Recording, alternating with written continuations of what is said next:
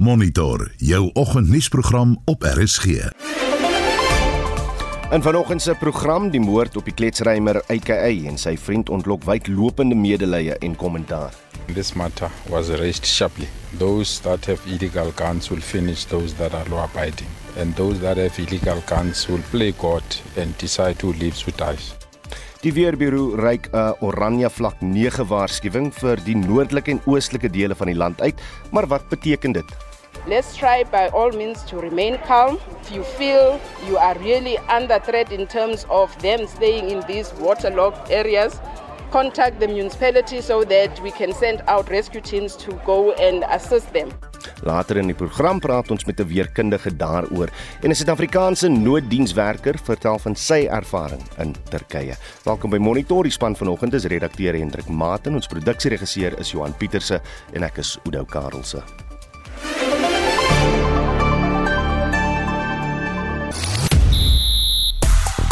Goeiemôre Suid-Afrika. In sportnuus vanoggend. Die Sunrisers Eastern Cape is die eerste SA20 kampioene. Die Protea vroue sal vanaand moet uithaal en wys teen Nieu-Seeland. En die Kansas City Chiefs verslaan die Philadelphia Eagles met 38-35 in die Amerikaanse Super Bowl. Meer sport volg bietjie later. Dis Christo Gawie vir RSG Sport. Dis die einste Super Bowl waar almal praat ver oggend op Twitter, maar kort op die hakkie hiervan is die hitsmerk Fenty Bowl. Nou dit verwys na die sangeres en miljardêr Rihanna wat vir die eerste keer in 5 jaar weer die verhoog daar betree het. Um, ek het 'n paar video's gekyk ver oggend en nou die verhoog was nie op die veld nie, dit was op platforms wat op kabels in die Mm, lug mm. gehang het. Dit lyk soos iets uit 'n rolprent uit. So as jy kan, gaan kyk, dit lyk amper asof sy sweef. En dit is waar mense vanoggend praat. Soos haar ongebore baba nou een van die jongste mense wat nog ooit op televisie verskyn het. Dit wil my so voorkom. Ja, Jessie, en sy's hoog. So ja nee, kyk, dis iets om te sien. Sal hom maar op die uh, internet kry. Nou vandag 13 Februarie is wêreld radiodag en vanjaar se tema volgens die VN is radio en vrede. Dit gaan oor die radio se vermoë om vrede in gemeenskappe te bewerkstellig. Dit laat 'n mens wonder. Is dit sodat radio met sy programme 'n invloed op mense en hul doen en late kan hê? En hoeveel mense het nog 'n radio in die huis? Praat saam deur SMS te stuur na 4588919 R50 per boodskap. Jy kan ook 'n plasing maak op ons Facebookblad en jy kan vir ons 'n stemnota stuur op WhatsApp na 0765366961. Dis byna 13 minute oor 6. Nuus oor die koelbloedige moord op die bekende Suid-Afrikaanse kletsrymer Keenan Forbes, bekend as AKA, en 'n vriend buite 'n restaurant in die gewilde Durban se naglewe distrik het baie mense geskok. 'n Span speurders van die polisie se eenheid teen georganiseerde misdaad het die ondersoek oorgeneem nadat twee mans na bewering na AKA gestap en hom saam met Tibelo Tibbs Motswane doodgeskiet het. Die twee het die restaurant in Florida weg saam met vriende pas verlaat. Die polisie sê die motief vir die aanval is nie bekend nie. Dries Liebenberg berig. Nadat die nuus oor AKA se moord soos 'n veldbrand op sosiale media versprei het, het bewonderaars die plek besoek waar die kunstenaar op 'n sypaadjie buite die restaurant Wish in Durban se Florida weg sy laaste asem uitgeblaas het. Sommige het ruikers blomme gebring. Marvin Murray het in sy motor gesit en een van AKA se liedjies gespeel. Why you guessing, dog? Why you coming to my table with ass? Uh, it was social media. I mean, the statuses. Uh, basically, I got a lot of DJ friends that operate in Florida Road, at Keys, at Times Square, at all these places.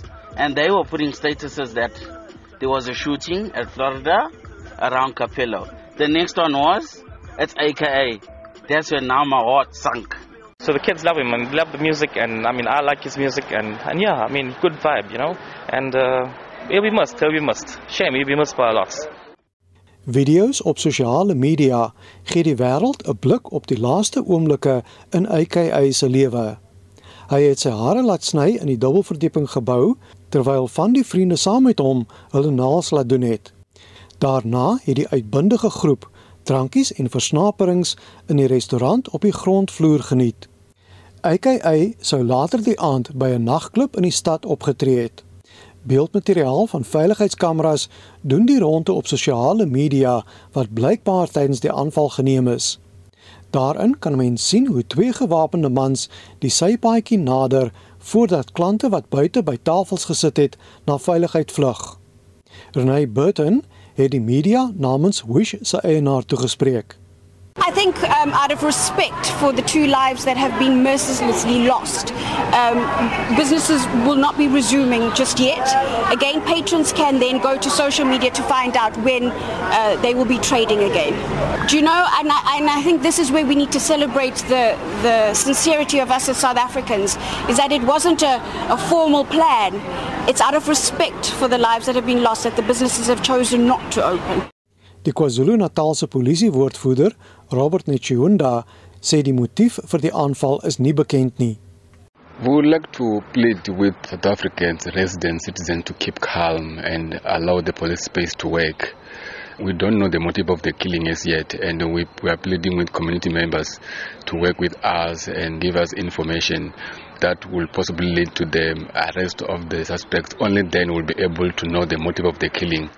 Terwyl inwoners van die buurt hul vrese na die aanval uitgespreek het, sê die woordvoerder van die provinsiale departement van gemeenskapsveiligheid en skakeling, Kwanele Alane, dat veiligheid in die omgewing opgeskerp gaan word. We are going to be uh, beefing up the security plan in this area, working with various agencies. Metropolis already a satellite police station here. There's already a patrol security company that is working in the area, and we will be also making sure that police as well they are beefing up their deployment of personnel and equipment in this area and operations as well. But we will also be working with the business community in the area, making sure that we increase vigilance and where they can support as well, support in making sure that at least we are able to make sure that this road is safe. Sowel die ministerie van Kuns en Kultuur as die KwaZulu-Natalse premier, Nomusa Dube-Ncube, het hulle skok oor die moorde uitgespreek. Die Forbes familie het mense vir hulle boodskappe van medelee bedank en gevra dat hulle privaatheid gegee word in hulle tyd van rou. Ek is Dries Liebenberg in Durban. En die regsverteenwoordigers van die familie van Keenan Forbes ook ook bekend as AK bevestig dat die kletsrymer se liggaam in Johannesburg aangekom het. Die minister van vervoer, Fikilian Balula, het tydens 'n besoek aan AK se huis in Bryanston gesê dit was ongetwyfeld 'n sluipmoord. Die Gautengse premier, Panyaza Lesufi, die provinsiale sekretaris van die ANC, Tembinkosi Ngisa en die familie se prokureur was deel van die besoek. Die regsverteenwoordiger Rudolf Baloyi het bevestig dat die gesin saam met AKA se oorskot van Durban af teruggekeer het. Yesterday, as you would have seen, we spent most of the day in Durban, where we had to go identify him together with the father and the brother.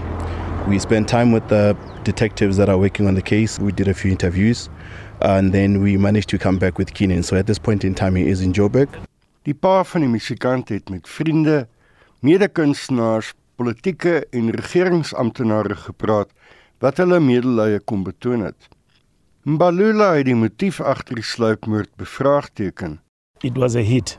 AKA was assassinated. Broad daylight and he was killed. And we believe in the capacity of the police to dig deep and get the killers but also get to the bottom of why this why did it happen because AKA was not a drug lord. He was a musician. Die moord skep vrae oor vuurwapengeweld in die land. Lesofie sê daar moet 'n debat oor Suid-Afrika se vuurwapenwetgewing wees. And this matter was raised sharply that if we can act, those that have illegal guns will finish those that are law abiding. And those that have illegal guns will play God and decide who lives, who dies. And uh, our Lukhotla was very clear that we'll approach uh, the legislators, that we need a debate and serious action to be taken on strengthening gun laws. AKA se vriend en ook 'n musiekkunstenaar, Oscar Oskido Mdlongwa, sê Forbes het 'n dogter van 7 nagelaat. A lot of times is that we as fathers we become not present to our kids. We don't even celebrate milestones with our kids and all that and that's a lot of mistakes which uh, we as fathers have done. But I think Keenan showed that differently because you could see that he was always there even taking his kid for a holiday and all that. I mean through his busy schedule. Die familie sal later besonderhede oor sy begrafnis en gedenkdiens bekend maak. Hierdie bydra van Mbalenhle Mtetwa en ek is Hendrik Martin vir SAK nuus. Kom ons praat nou verder hieroor met die voormalige polisiekommissaris van die Wes-Kaap, advokaat Lennet Max. Lennet, goeiemôre. Goeiemôre oude. Jy het soos baie Suid-Afrikaners die geslote baan beeldmateriaal gesien van die moorde. Wat was jou aanvanklike waarnemings? Uh, en as ek dit vra wil ek net byvra, is dit duidelik dat EKA die teiken was? Is dit duidelik dat dit soos vir Kilian Balula sê 'n sluipmoord was? Ja, uh oude ja, het, uh, my uh, ontleding van die beeldmateriaal is uh, ek het geen twyfel dat hierdie nie soos hulle sê 'n verbyry skietry was soos die van die koerante beweer nie. Uh want hulle het nie 'n voertuig het geskiet nie. Hierdie was duidelike sluipmoord en ek sal so ver gaan om te sê 'n huurmoord. Dit is baie duidelik dat uh, sorry dat uh, AKA die die uh, teken was en dat die persone wat saam met hom raak geskiet was, ehm um, hulle het miskien vermoed dat hierdie persone die leibwagte is en hulle moet ook geëlimineer word voordat daar teruggeskiet word. Uh maar hy was duidelik die teken. Uh Lenet. Sorry, hy was die die die die teken en uh hy was hy moes uitgehaal gewees het. Dit kan wees dat hy een of ander ding gedoen het of nie gedoen het nie en dat dit 'n tipe van 'n uh, weerwraak uh, of 'n uh, hartaanval was uh, maar dis ek glo nie dit is in die musiekbedryf nie betrekking het nie. Ja jy glo nie dit wat dit dit dit, dit is tot betrekking met die musiekbedryf nie. Hoekom voel jy so sterk daaroor? Ehm um, in Suid-Afrika dink ek nie dat uh, vir al die rappers uh dat daar soveel mededinging is dat hy uitgehaal moes ge geword het om die ander die geleentheid te gee om die mark te te betree of oor te neem nie. Uh dit is vir my baie baie duidelik dat hy was geagtervolg. Hy was dopgehou vir 'n paar dae en uh al het vir hom gewag. Uh wat ook gebeur in hierdie tipe sleepmoorde is dat baie keer word hierdie persone wat die misdaad pleeg, soos hulle sê die hitman, hmm. uh is nie van dieselfde plek nie omdat die polisie uh gewoonlik in die omgewing soek uh na leidrade uh, van mense wat daar is. Uh dit kan ook iemand wees wat ingevoer is van 'n ander provinsie af om hierdie moord te pleeg en daardie persone sal reeds alweer uit die provinsie dalk uit. Okay. Lenet, uh, hoe gevorderd is ons polisie se tegnologie wat hulle in ondersoeke gebruik? Met ander woorde, hoe sal ons polisie want ons het nou almal hierdie beeldmateriaal gesien. Hoe sal ons polisiebeamptes nou die geslote baan beeldmateriaal gebruik om die skieters positief te identifiseer? Jy weet uh ja, uh CCTV ja baie, maar in hierdie geval sal dit volgens my baie moeilik wees om 'n identifikasie vas te stel op grond van sy gesig moontlik die klere en hulle sal dalk uh moontlik dan ook uh getuies inwin uh mense wat anoniem wil bly uh wat dan die persoon sou ken aan sy hardloop of uh, aan sy klere drag en daardie inligting uh, vir die polisie beskikbaar gee. Maar ek glo nie dat daar enige uh, wiewe wolkie getuienis sal wees om daardie persone wel uh, te verbind met die misdaad nie omdat mense vrees vir ehm uh, weerwraak en dat ons het al baie keer gesien hoe ehm um, vletjieblaser sowel as getuies geëlimineer word in sake van van hierdie aard. So uh die tegnologie wat aangewend gaan word is uh, minimaal. Ek dink hier sal hulle maar moet steun op uh getuienis en inligting wat ingesamel sal word. Ons het by die moord op Senzo Mayiwa gesien hoe swak die ondersoek hanteer is. Die die moord op Forbes en Motswane is nou deur die eenheid vir georganiseerde misdaad oorgeneem. Is dit wat jy sou doen sou jy in bevel was en hoe sê sou jy hierdie ondersoek bestuur om misdadigers vas te trek, Lenet? Oudou, laat ek nou vir jou sê ons ehm um, gesoute polisielede ondersoekers is baie min in die Suid-Afrikaanse polisie wat oor is. Daar word 'n groot boei gemaak oor die 10000de nuwe rekrute wat nou inkom uh, na die Suid-Afrikaanse polisie diens. So hierdie mense vat omtrent 5 tot 10 jaar om behoorlike ondervinding op te doen. Wat ons nou nodig het is dat daar is soveel baie baie goeie polisiebeamptes wat wel uit die diens gestel is wat weer belangstel om betrokke te raak. En ek glo as die regering mors so baie geld op ander verwante goed uh waar hulle geld moet beskikbaar stel om van hierdie ondersoekbeamptes te rekruut en aan te stel op kontrakbasis van 3 tot 5 jaar in elke provinsie om hierdie tipe van misdaad uh jy weet te ondersoek en terselfdertyd moet hulle ook uh, in hulle dienskontrakte ooreenkomste is om kundigheid oor te plaas aan um, die jonger lede wat in die diens is. As ons regtig ernstig is, daar is nie 'n manier dat jou gewone stasie uh, polisiestasie speurders ehm um, suksesvol sal wees in die ondersoek van hierdie misdaad nie. En daarom is dit so dat die polisiebestuur noodgedwonge hierdie tipe van ondersoeke moet oorhandig aan gespesialiseerde eenhede as geen ander manier nie. Maar ek wil net vir jou sê Jy weet uh hierdie tipe misdaad is as gevolg van die feit dat hierdie regering van ons op sy hande sit nie ernstig is om mense lewens uh, te bespaar nie om ons mense veilig te hou nie. En ons sit nou oop grense waar mense net doelbewus oorkom sonder enige weerstand. Uh en hier in die land rondloop sonder dat ons enige rekord het van hulle. En dit is vir hulle baie maklik om uh misdade te pleeg want hulle kan nie verbind word op ons kriminele rekordstelsel nie. Dit was so, die voormalige ja, polisiekommissaris van die Wes-Kaap, advokaat Lenet Max. Ek sê vir jou baie dankie vir jou tyd hier op Monitor. Sakeliga is nog 'n organisasie wat bekommerd is oor die nasionale ramptoestand wat oor die elektrisiteitskrisis geproklaameer is. Die organisasie is reeds in 'n hofstryd oor die vorige COVID-19 ramptoestand gewikkel. Ons praat nou met Sakeliga se uitvoerende hoof Piet Leroux. Piet, goeiemôre. Oh, goeiemôre. Wat kan jy luister? Kom ons hoor gou eers, wat is julle besware teen die ramptoestand? Die ramptoestand uh, is 'n erkenning, 'n amptelike regeringserkenning dat die regering verantwoordelik is vir 'n ramp in die samelewing. Dis nie daar's geen ander oorsaak nie. Uh so dit is iets om uh te benut in daardie sin want jy kan dit gebruik om jou eie noodmaatreëls te legitimeer. Uh en dit is wat hulle doen te midde van 'n ramp. So daar is iets positiefs daaraan.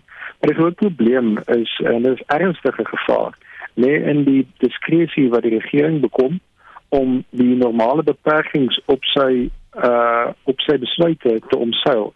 En ons is pas deur 2 jaar van sulke uh misbruik van diskresie wat opgeloop het in ernstige ekonomiese skade, magsvergrype en dis meer.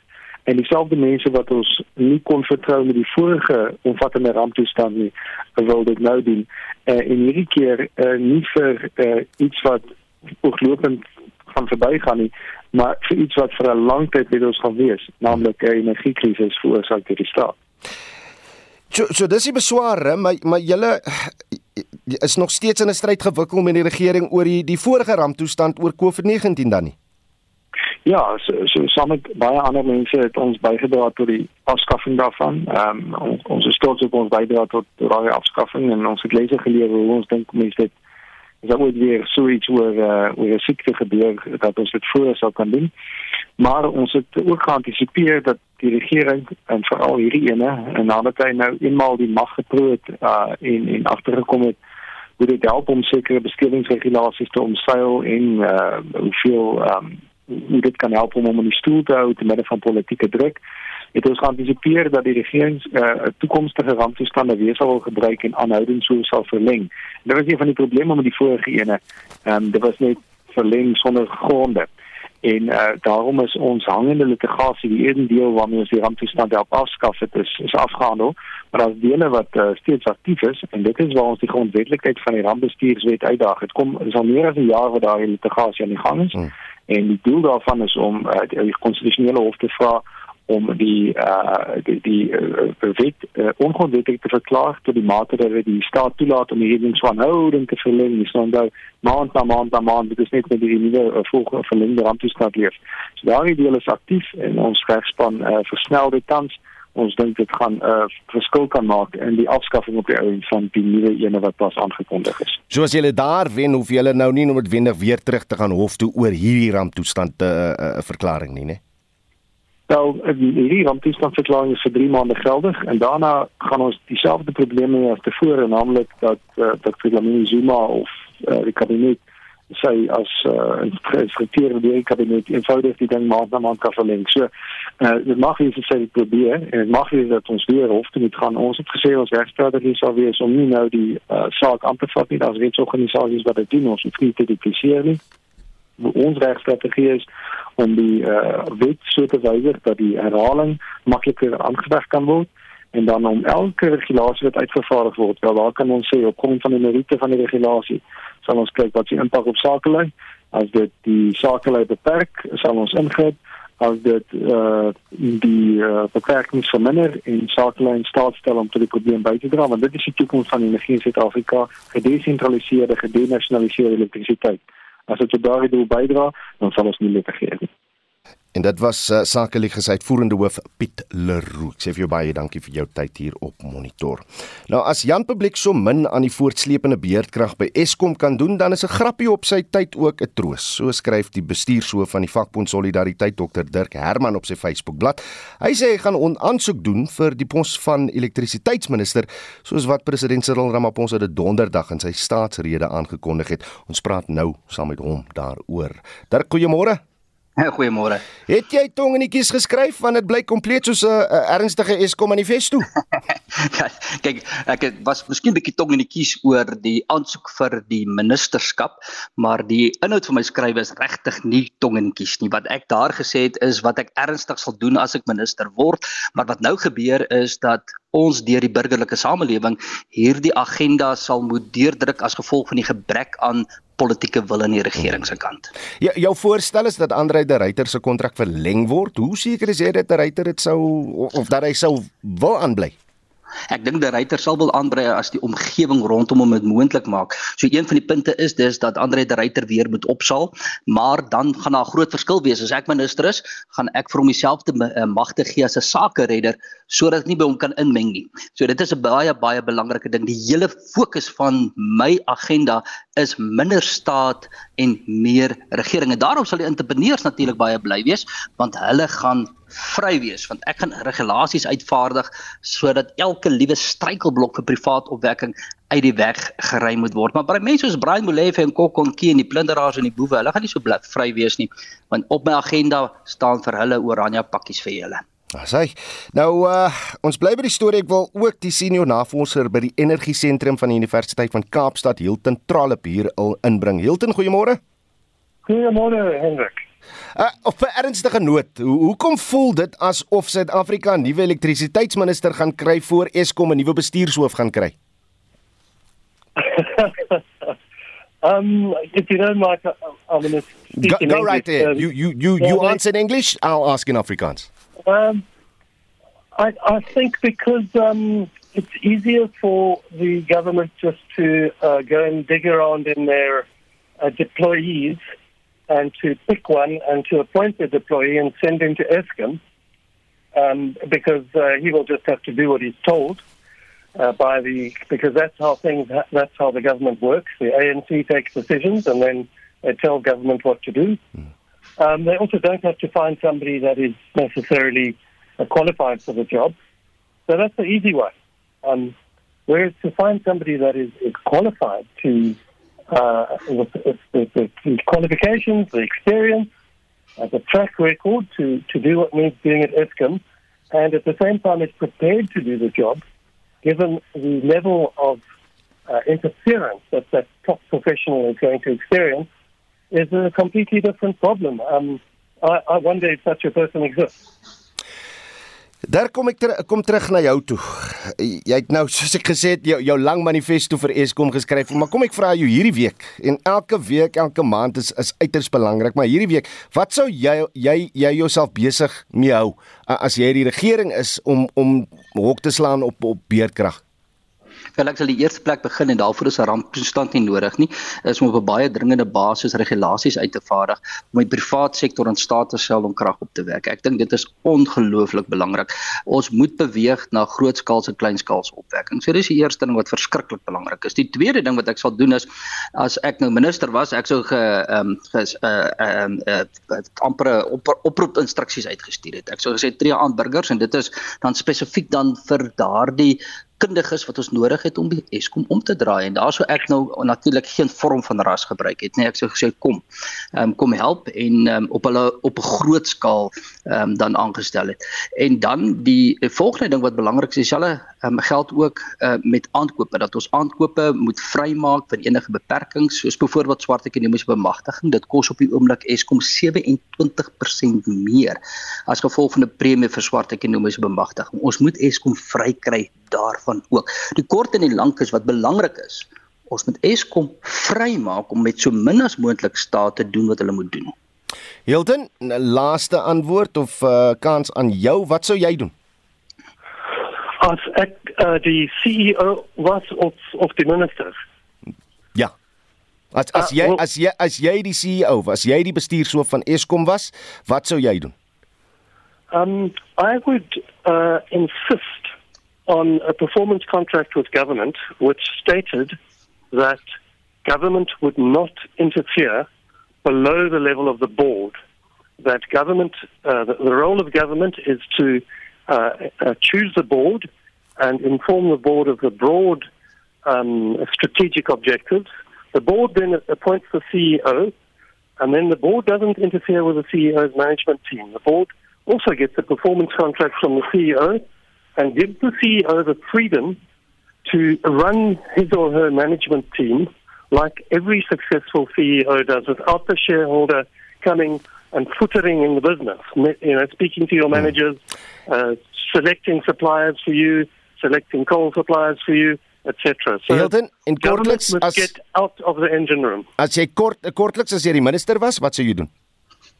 Uh, I would uh, just play the opposite role there. I would also not go and interfere with my CEO once I'd appointed him or her. I would just give him a clear performance contract and uh, allow him to do the very difficult job of assembling an executive team that knows it won't get interfered with by government, building the trust levels of trust between that team and management. And uh, I would, uh, if I was the minister, I would let that CEO get on with and do their job, and also realize that this thing can't be turned around in five minutes. Um, it, it takes time. Hilton Trollop is 'n senior navorser by die Energiesentrum aan die Universiteit van Kaapstad en Dirk Herman is die bestuurshoof van die vakbond Solidariteit. Jy luister na Monitor elke weekoggend tussen 6 en 7. Bietjie later as gewoonlik 6:37 in die hoofnuus gebeure die sterftetal in Turkye en Sirië waar aardbewings verwoesting gesaai het staan nou op meer as 33000 gisterand was daar 'n span wat uh oorlewende gekry het. So dit lyk my daar is nog kanse daar op party mense op sekere plekke jy waarskynlik dalk nog lewendig is, maar soos wat die dae aangaan, is dit besig om minder en minder te raak. Dele van Limpopo en Mpumalanga kan vandag steeds ontwrigtende reën verwag en die SAIK sal vandag saam met uitsaaiers wêreldwyd die 12de wêreld radiodag herdenk. Bly ingeskakel.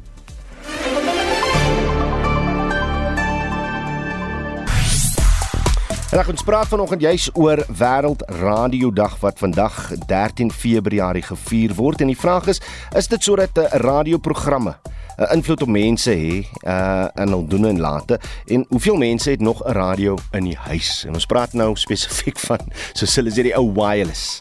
Uh William Juma sê dit help baie ek het 3 radio's in my huis uh en dan skryf hy ook rest in peace aka. Uh Juliana Foster Ellis sê nooit sonder my blerkassie nie. Love Radio, jy vertel my alles. Jan Smith sê uh, of nie Babette Ferreira sê ons luister elke dag heeldag radio. RSG ook tydens beerkrag. Ek dra hom oral saam. Ons hou van die aktualiteitsprogramme, onderhoude, nuus, reisprogramme en musiek. So bly ons ingelig. Dis goedkoop en betroubaar. En watter impak het radio op jou lewe? Stuur ons tog 'n SMS uh, aan 4588919 R1.50 per boodskap. Jy kan ook lekker uh, saamgesels op die Facebook bladsy of 'n stemnota stuur op WhatsApp na 0765366961. Reg vir die jongste sportnuus sluit eh, Christo Gawie nou by ons. Aan Christo, goeiemôre. Goeiemôre Oudo, goeiemôre luisteraars. Die SA20 kompetisie het sy heel eerste kampioen gister bekroon en dit was nie die span wat almal verwag het sou wen nie. Ja, daar's heel waarskynlik in Kebega groot partytjie in Makiti gehou. Die eindstryd is gister op die Wanderers in Johannesburg beslis. Adam Rossington se 50-tal en speler van die wedstryd, Rolof van der Merwe se verwoestende draaie, het die Sunrisers Eastern Cape gister na 'n sege van 4 paaltjies oor die Pretoria Capitals besorg. Nou Capitals is beperk tot 135 almal uit in die 19de bilbeerd. Dis toe dat die Sunrisers aan aanvangskolwer Adam Rossington 4-4 en 5-6 gemoker het in 'n kliniese vertoning vertoning van aggressiewe kolwerk. Die Engelsman het sy 50-tal bereik van net 20 balle en in totaal 61 van 31 Hoewel paadjies begin kantel het, was die koel reeds deur die kerk. Die kaptein Mark Krim het goed vertoon met sy 26 van 19 balle, maar was ongelukkig die slagoffer van 'n aflewering wat hy waarskynlik nie moes gespeel het nie, toe hy gevang is deur Colin Ingram. Sunrisers, die eerste SA20 wenner soos hy genoem het, Udo, het 137 op die tellbord aangeteken in die 16de beurt. Uh, die wen met 4 paadjies en 22 balle oor. Ons hoor dit by cricket wanneer die Protea dames span ons vroue sal vanaand moet uithaal en wys. Hulle sal diep moet grawe vanaand om 7 uur wanneer hulle van Nieu-Seeland in die Parel pak in hulle tweede wêreldbeker kragmeting. Die SA vroue het teen Sri Lanka het hulle vasgeval in hulle openingswedstryd Vrydag aand. Nou die Suid-Afrikaners sal baie graag al hulle volgende kragmetings wil wen om ten minste die halfeindronde van die toernooi te bereik. Vanmiddag om 3 uur pak Ierland en Engeland se vroue mekaar. Reg ons uh, los dit daar Christo Gawie sal vanmiddag op Spectrum weer terug wees met 'n volledige bulletin wat dan ook al die rugby en die sokker uh, insluit. Maar ek wil net vir die uh, dames hokkie span sê wel gedaan. Hulle het vierde geëindig nadat hulle vasgeval het in Nederland in die halfeindstryd van die binnenshuise wêreldbeker toernooi. So geskiedenis daar gemaak met ons dames wat die al eerste semifinaal bereik. Ons manspan het ook al heel eerste kwart eindstryd bereik. So wel gedaan aan beide Protea spanne daar Ek vir die jongste wêreldnuus sluit ons kollega Estie nou by ons aan en ons begin met nuus oor die aardbewings in Turkye en Sirië wat vandag presies 'n week gelede plaasgevind het en nou reeds 33000 lewens geëis het. Die Verenigde Nasies die vrees egter dat die getal nou kan verdubbel. Dis reg, Oudo, soos wat reddingsoperasies voortduur word meer slagoffers gevind, maar wonder bo wonder ook oorlewendes wat steeds gevind word 6 dae na die aardbewing. Die BBC se Tom Buitman berig vanuit Antakya in Turkye dat 'n man gister uit die puin gered is. He's been under this rubble for six and a half days. His hands are in the air, he's conscious, breathing, eyes flickering. Well, this has been an extraordinary hour or so since we ran to here following some rescue workers. It was clearly something had been found. They could see somebody's legs. He was alive. And we've just seen one of the rescuers come out here. He was in tears and extremely distressed. So we've seen a generator being taken in, some cutting gear that needs power, buckets as well to dig away the earth. Somebody's shown me a picture uh, where we can see the legs of this man he seems to be trapped from his upper body. En hierdie man wat gered is se pa wat in die skare was was stom geslaan en aangedaan en kon nie glo sy seun is lewend uit die puin gehaal nie. In Sirië se Idlib provinsie net oor die grens berig die BBC se Quentin Sam Somerville voel mense egter of daarvan hulle vergeet is. Rebelle groepe beheer steeds die gebied en dit bemoeilik die verspreiding van reddingsspanne se toerusting om na slagoffers te soek en ook om hulpmiddels na mense te kry wat ernstig seer gekry het tydens die aardbewing. Hier is van al gedap wat sê sy familie is almal dood en hulle het om hulp gewag maar niemand het opgedaag nie. There is no one alive here. Everyone is dead. We just need them to come in and dig the bodies up for burial. I don't know what else to say. Die BBC berig by 'n hospitaal in die weste van Sirië moet dokters meer as 350 aardbewingsslagoffers behandel met min tot geen toerusting en medisyne. Suid-Afrika se Gift of the Givers is ook in Turkye en die stigterslid van Gift of the Givers Dr. Imtima Suliman sê die organisasie se spanne het nou in 3 groepe verdeel: een reis saam met die Chinese reddingsspanne, een saam met Turkye en een saam met Omani en sniffelhonde is versprei tussen die drie spanne. The death toll is certainly far higher than the 30,000 stated thus far. Many bodies will not be able to be recovered from the building. The buildings are very unstable, have totally collapsed in an area where the population collectively is 15 million. Our teams yesterday retrieved three bodies, two adults and a child. Today, they retrieved a mother and a 16 year old daughter, and the mother and the daughter were hugging each other as they would when they took took them out they found them in that position these kind of pictures has an emotional and psychological effect on rescue teams who see the pain and the suffering En dit is dokter Intima Suliman van Gift of the Givers en ons bring ook vir jou meer nuus hieroor in Spectrum. Kom ons verskuif gou die fokus na die FSA wat gistermiddag nog 'n uh, ongeïdentifiseerde voorwerp uit die lug geskiet het uh, naby Lake Huron. Dit is nou uh, naby die grens uh, aan Kanada. Dis reg Udo en volgens 'n verklaring van die Pentagon is dit in opdrag van president Joe Biden gedoen omdat die objek moontlik met kommersiële lugvaarttoerusting kon inmeng. Hier is 'n korrespondent van CBS Nuus, Christian Benavides. The third object in a matter of three days that has been uh, taken down here in North America. The big question right now is what are these objects? The Department of Defense gave a briefing saying that they don't believe that these objects were necessarily threats to people on the ground, but they felt that they needed to take them down out of an abundance of caution. En dit was die CBS korrespondent Christian Benavides. En dit was ons estimate oorsig van vandag se wêreldnuus. Nou soos jy vanoggend gehoor het en nou ook in die wêreldnuusbulletin gehoor het, staan die dodetal in Sirië en Turkye nou op meer as 33000. Leon Fourie van Medi Response Ambulansdiens in Suid-Afrika is op die oomblik in Turkye en hy het sy ervaring met Marlene Forsie gedeel. Ons is in die Hatay provinsie van Turkye waar ons opgelink het met ander internasionale spanne, spanne van China af, spanne van Oman af. Ons is nou besig met 'n span van Turkye af. En wat ons net deur geboue soek saam met die SAP reddingseenheid se honde wat saam met ons gekom het deur Gift of the Givers en die fokuspunt op die oomblik is kyk of daar nog enige uh, oorlewendes is. Mens kan nie help om nou, 'n week na die voorval te wonder of reddingspogings onrealisties begin raak nie. Ons het gisterand was daar 'n span wat uh, oorlewende gekry het. So dit lyk my daar is nog kanse daar op party mense op sekere plekke jy waarskynlik dalk nog lewendig is, maar soos wat die dae aangaan, is dit besig om minder en minder te raak. Geboue is net heeltemal in rommel. Die familielede staan buite geboue en hulle hulle hoop maar net dat ons iemand uitkry. Familielede staan en smeek, familielede van dit gebeur het staan families buite geboue en hoop maar net vir reddingsspanne om mense uit te neem. Die gebou waar ons tans is, hulle sê hulle het gisterand nog iemand in die gebou gehoor maar partykeer is dit maar maar net hoop vir die mense nog het. En as die wind deur 'n gebou suis in die aande as dit stil is as jy soveel hoop het dan speel dit maar 'n bietjie op jou brein. En dan dink jy miskien hoor ek iets. Miskien is daar iemand daar binne. Maar ons kan nie sê dat daar is nie. So dan stuur ons maar die honde in en die honde kyk of hulle enigiets enige sein kan kry.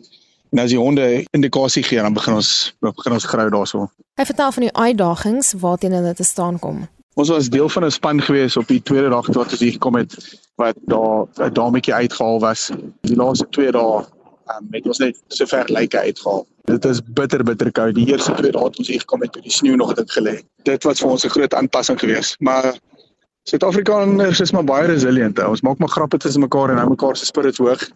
En dan in die aande as ons by die kampus sit ons daar en geniet 'n boeretroos. En dan in die dag as ons op die veld kom, dan kyk ons maar net uit vir mekaar. Nou ja, vir nou gaan ons maar aan. Hy sê tog dat woorde nie kan beskryf hoe dit voel om iemand se lewe te red nie. Soos daar kom toe die Chinese span besig wees op die toneel. Hulle het gesê hulle het definitief iemand met hulle live detector gehoor onder ons begin help grou en dit was so 4 ure in toe ons uh saam met die Chinese span die eerste vrou uitkry. En dis net ek weet nie, dis maar net mens kan net nie beskryf hoe dit voel as jy as jy as jy span iemand daar uithaal nie. En dan mas gou as wat iemand daar uithaal, handig hulle hulle oor aan die mediese dienste en dan begin jy maar weer verder soek vir die volgende een. En een ding wat hom altyd sal bybly, is Turkse inwoners se bereidwilligheid om alles te doen wat hulle kan om nooddienspanne by te staan. Ja, yes, ek ek sou sê net van die grond af is as ek kan beskryf, nê, nee, dis dis chaoties. Ek weet nie hoe die mense nog funksioneer nie, regtig waar. Maar die hoe humble hierdie mense is, nê. Nee. Ek sê vir jou alles as jy om jou kyk is in rommel gestrooi. En die mense as hulle iets eet, nê, nee, sal hulle nog steeds na 'n astrom toe loop en 'n papiertjie in 'n astrom gooi. Hulle het sulke liefde vir hulle land. Hulle het sulke liefde vir wat om hulle aangaan. Dit maak nie saak of hulle land in duister gestort is nie. Maak hulle nog seker dat hulle dit skoon hou. En ek dink as ons iets van hulle af kan leer, nê, nee, is just be humble. Dit was Leon Fourie van MediResponse Ambulansdiens in Suid-Afrika. Hy sê van die Suid-Afrikaanse noodlenigingsspan in Turkye. Marlene Forsie is hy konnies.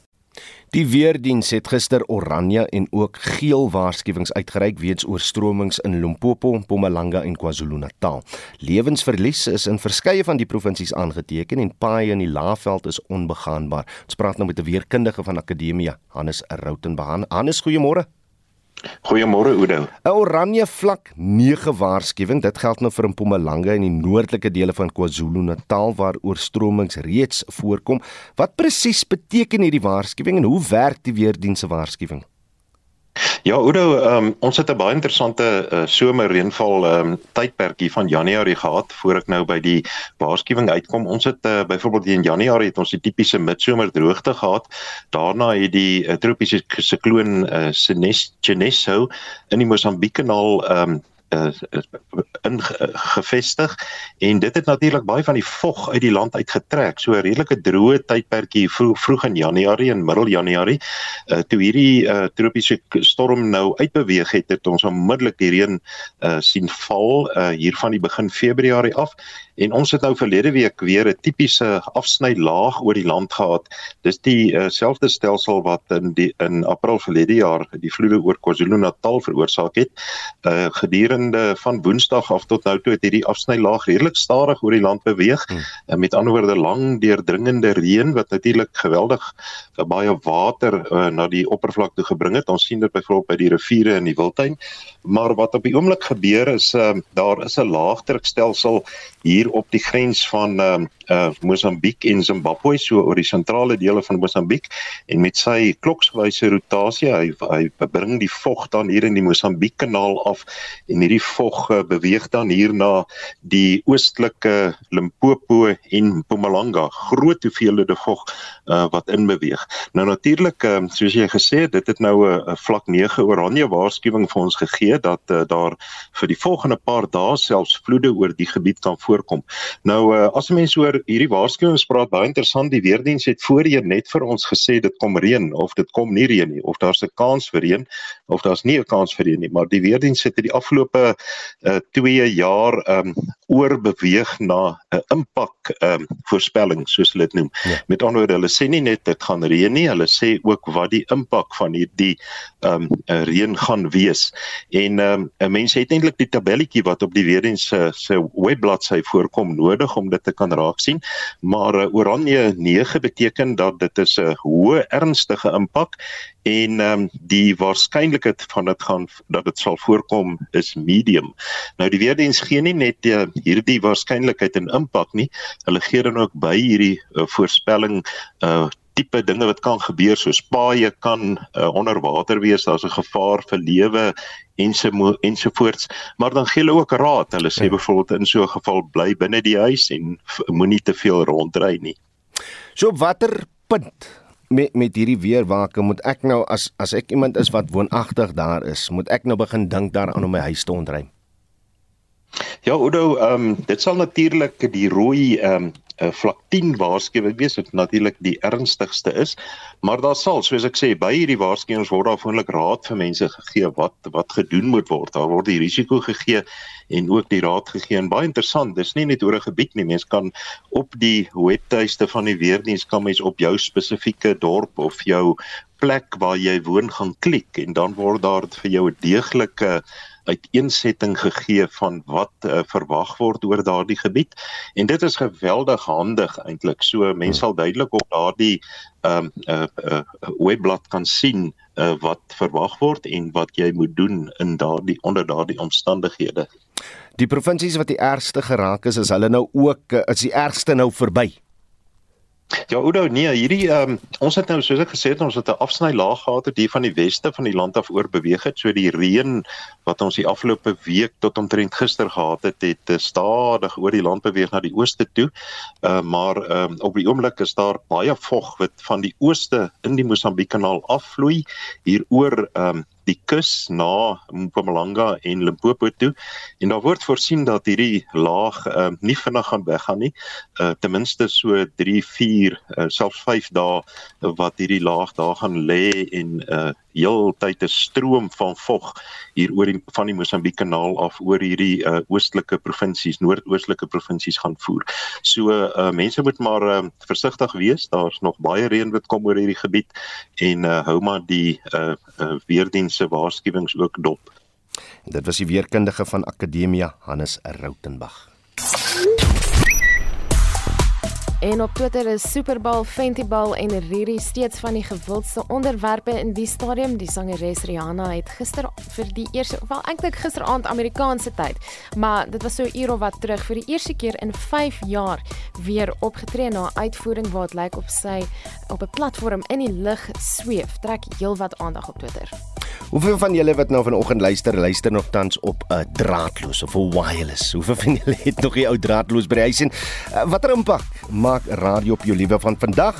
13 Februarie is wêreld radiodag. Dit is wat van julle op ons WhatsApp lyn te sê gehad het. In ons huis het ek 1 2 3 3 radio's plus my Bluetooth speaker waar ons radio luister. As ons load shedding het, dan luister ek RSG op my Bluetooth speaker. Jare 70 en vroeg 80 toe ons grensdiens gedoen het, het ons altyd met die weermag radio's uh, kon ons op die kortgolf frekwensies van die Afrikaanse radiostasies inskakel. En uh, dit was altyd lekker om te sit en luister na die radio terwyl ons op die grens was en uh, afdag gehad het. Dit was altyd die syners uh plig gewees om daai frekwensies te kry en dan uh, almal te laat luister. Saam met Calibal, my British Bulldog, is RSG my grootste vriend en luister ek die meeste na hele wat my lewe verryk. Ek seker so 12 ure 'n dag. En ons sê vir jou baie baie dankie. Engela Haker sê uh, moet nou maar radio met batteries in die huis uh, het want 2 tot 4 ure se load shedding is verskriklik stil en ongenaam om te luister. Uh maar radio 'n baie belangrike ding vir beter deur radio te luister. Verbeelding word ook aangewakker. En Cecilia Masin Ferreira sê ek het 3 radio's en is meestal ingeskakel op RSG. Uh radio definitief 'n invloed op my uh boekvoorlesing, stories, nuus en mooi musiek. Deel nog Asseblief, julle SMS se deur na 4588919 R50 per boodskap en jy kan ook lekker saamgesels op die Facebookblad of stuur vir ons 'n stemnota soos hierdie luisteraars gedoen het op uh, WhatsApp op 0765366961. Ons groet dan namens ons uitvoerende regisseur Nicoline de Wee, ons redakteur vanoggend is Hendrik Maten, ons produksieregisseur is Johan Pieterse en ek is Oudou Karelse. Totsiens.